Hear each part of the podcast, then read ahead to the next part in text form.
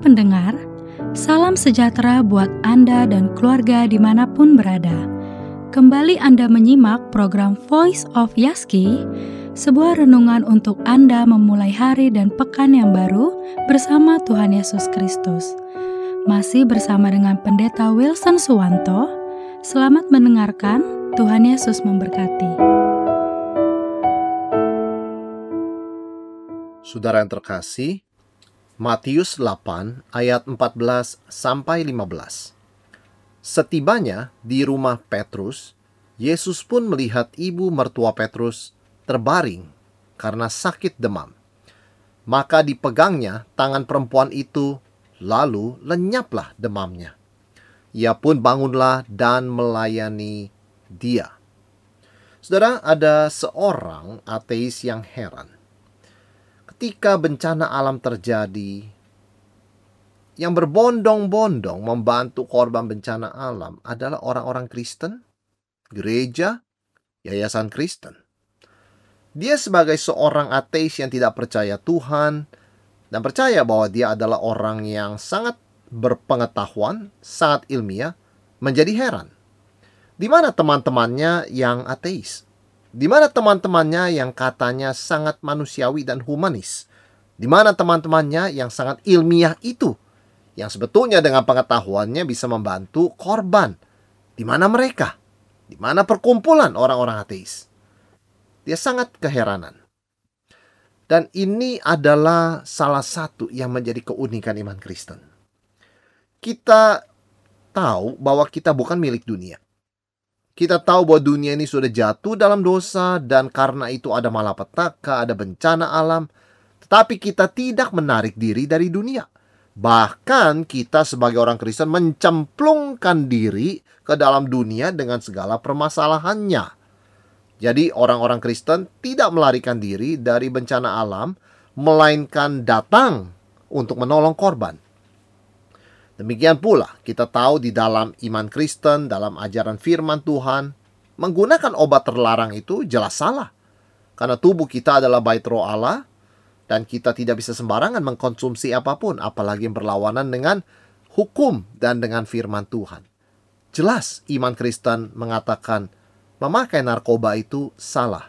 Tetapi siapa yang banyak melayani orang-orang yang terkena narkoba di tempat rehabilitasi. Juga orang Kristen. Kita bukan milik dunia, kita berbeda dengan dunia, kita kontra dengan dunia. Tetapi kita tidak melarikan diri dari dunia ini, melainkan Tuhan mengutus kita ke dalam dunia untuk melayaninya. Sehingga orang ateis tadi berkata, satu pertanyaan, apakah memang untuk melayani sesama manusia itu harus jadi orang Kristen dahulu? Jelas dari firman Tuhan kita tahu jawabannya ya. Karena di luar Kristus, di luar pengampunannya, di luar darahnya, kita hanyalah manusia yang berdosa yang melayani keinginan daging kita sendiri. Kita tidak mungkin menjadi seperti yang Tuhan ciptakan kita pada awalnya. Kita diciptakan untuk melayani. Adam dan Hawa, kita semua diciptakan dalam gambar dan rupa Allah. Apa artinya? Artinya seluruh kehidupan kita dan tindakan kita mencerminkan sifat-sifat Allah dan kita juga mewakili Allah untuk memerintah dan memelihara bumi.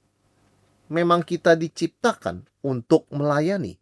Namun kita sudah jatuh dalam dosa sehingga yang kita layani hanya dosa, iblis, dan keinginan daging kita dan dunia ini. Karena itu darah Yesus dicurahkan di kayu salib membasuh kita, membebaskan kita dari perbudakan dosa, supaya kita boleh kembali melayani Tuhan, baik dalam hidup sekarang ini maupun sampai kekekalan.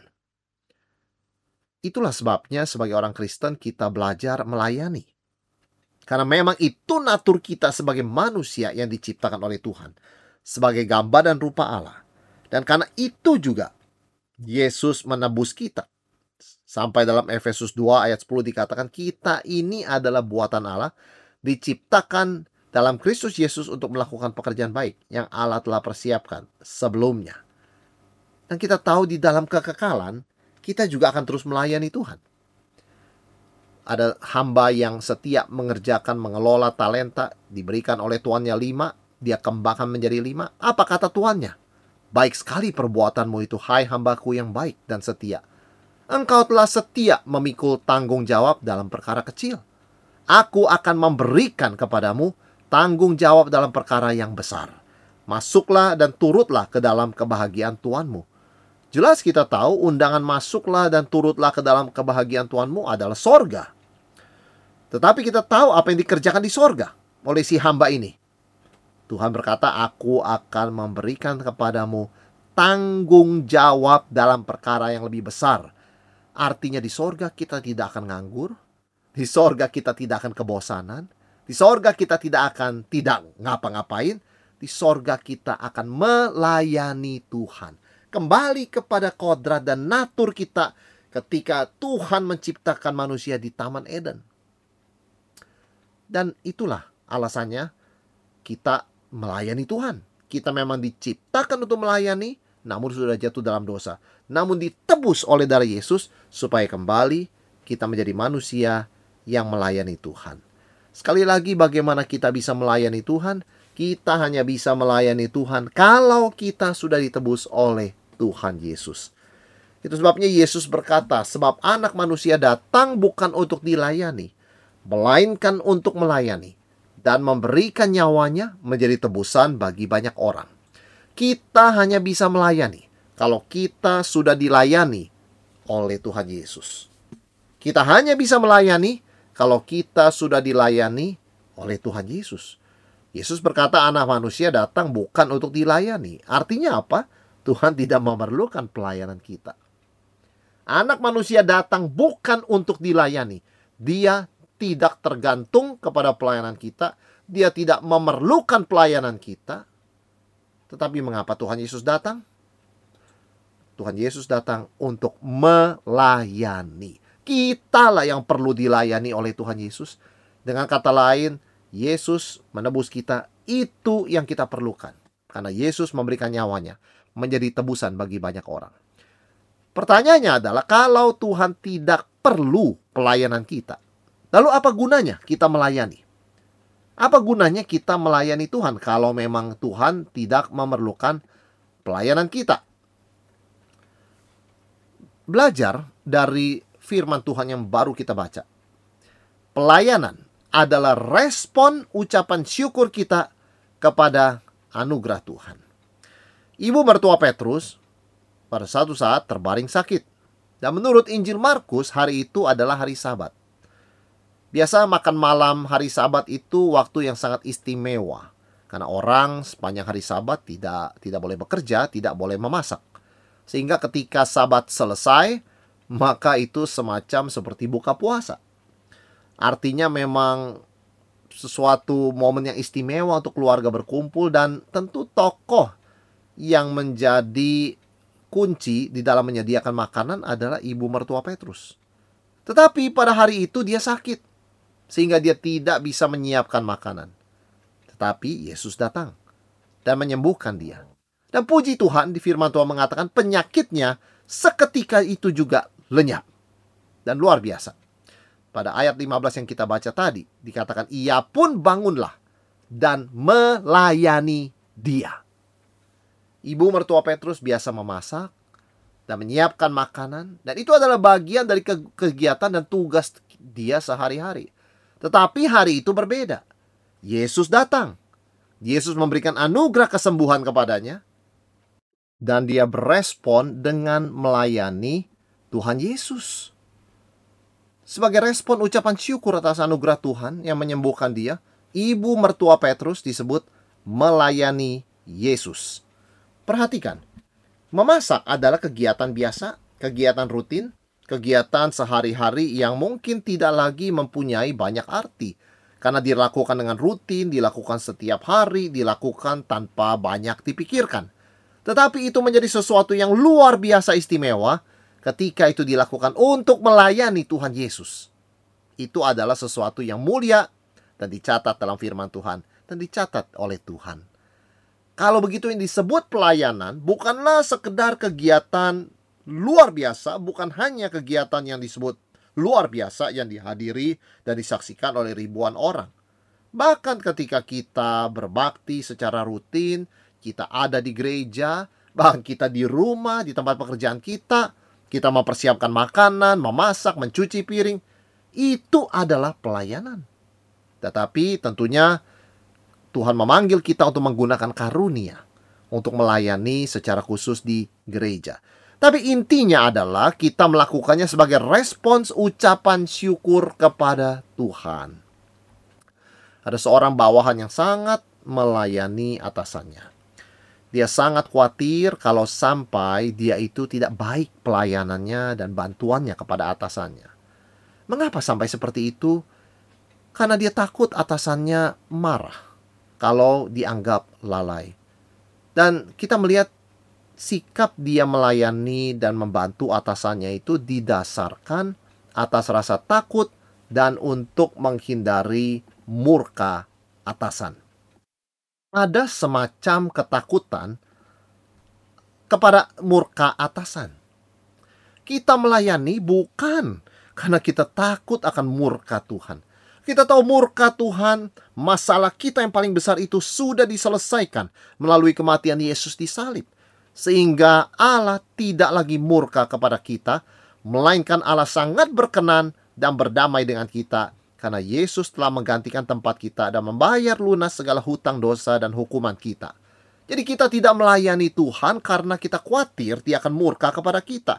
Karena untuk menghindari murkanya, kita tidak bisa menghindarkan murka Tuhan dengan perbuatan baik kita.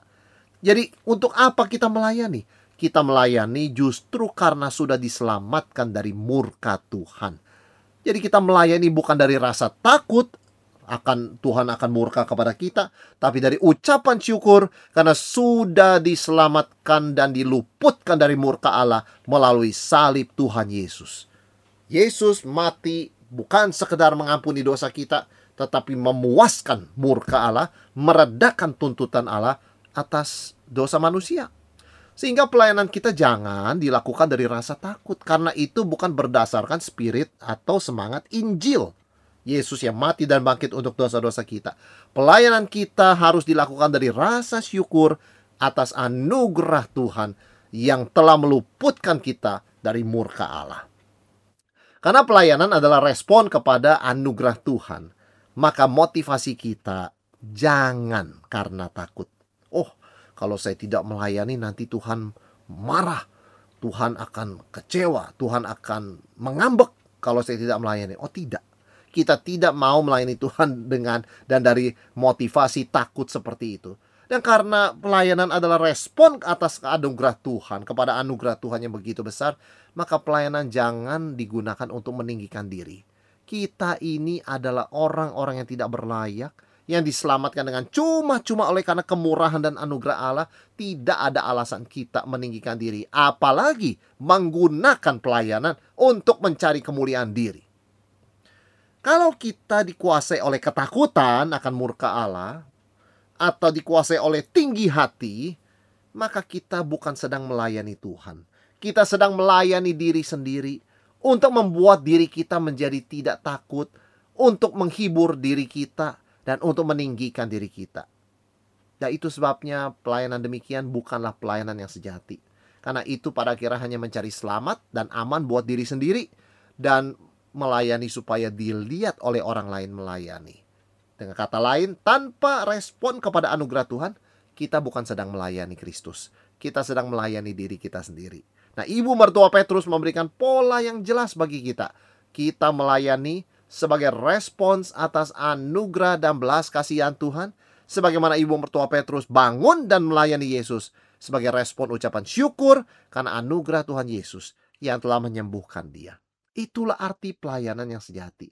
Kita melayani karena Tuhan lebih dulu melayani kita. Kita melayani karena Yesus telah menyerahkan nyawanya menjadi tebusan bagi banyak orang.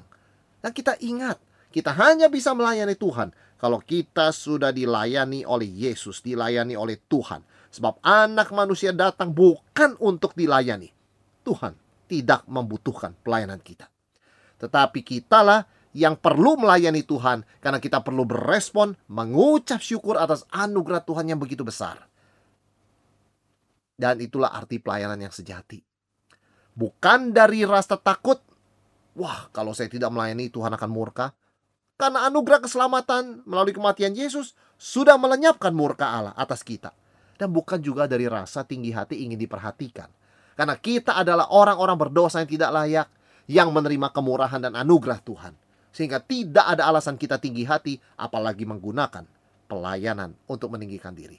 Melainkan kita melayani sebagai respons ucapan syukur kita atas anugerah Tuhan dan untuk meninggikan dia. Bukan dari rasa takut, tapi dari ucapan syukur. Bukan untuk cari kemuliaan diri, tapi untuk memuliakan Tuhan yang begitu mengasihi kita dari kekal sampai kekal. Demikian tadi Voice of Yaski bersama Pendeta Wilson Suwanto. Anda bisa kembali mendengarkan episode kali ini melalui Spotify Voice of Yaski atau Anda juga dapat mendengarkan, membagikan, bahkan mengunduh episode-episode Voice of Yaski lainnya melalui podcast Yaski di podcast.yaski.co.id. Terima kasih sudah mendengarkan. Salam sehat selalu dan Tuhan Yesus memelihara Anda dan keluarga.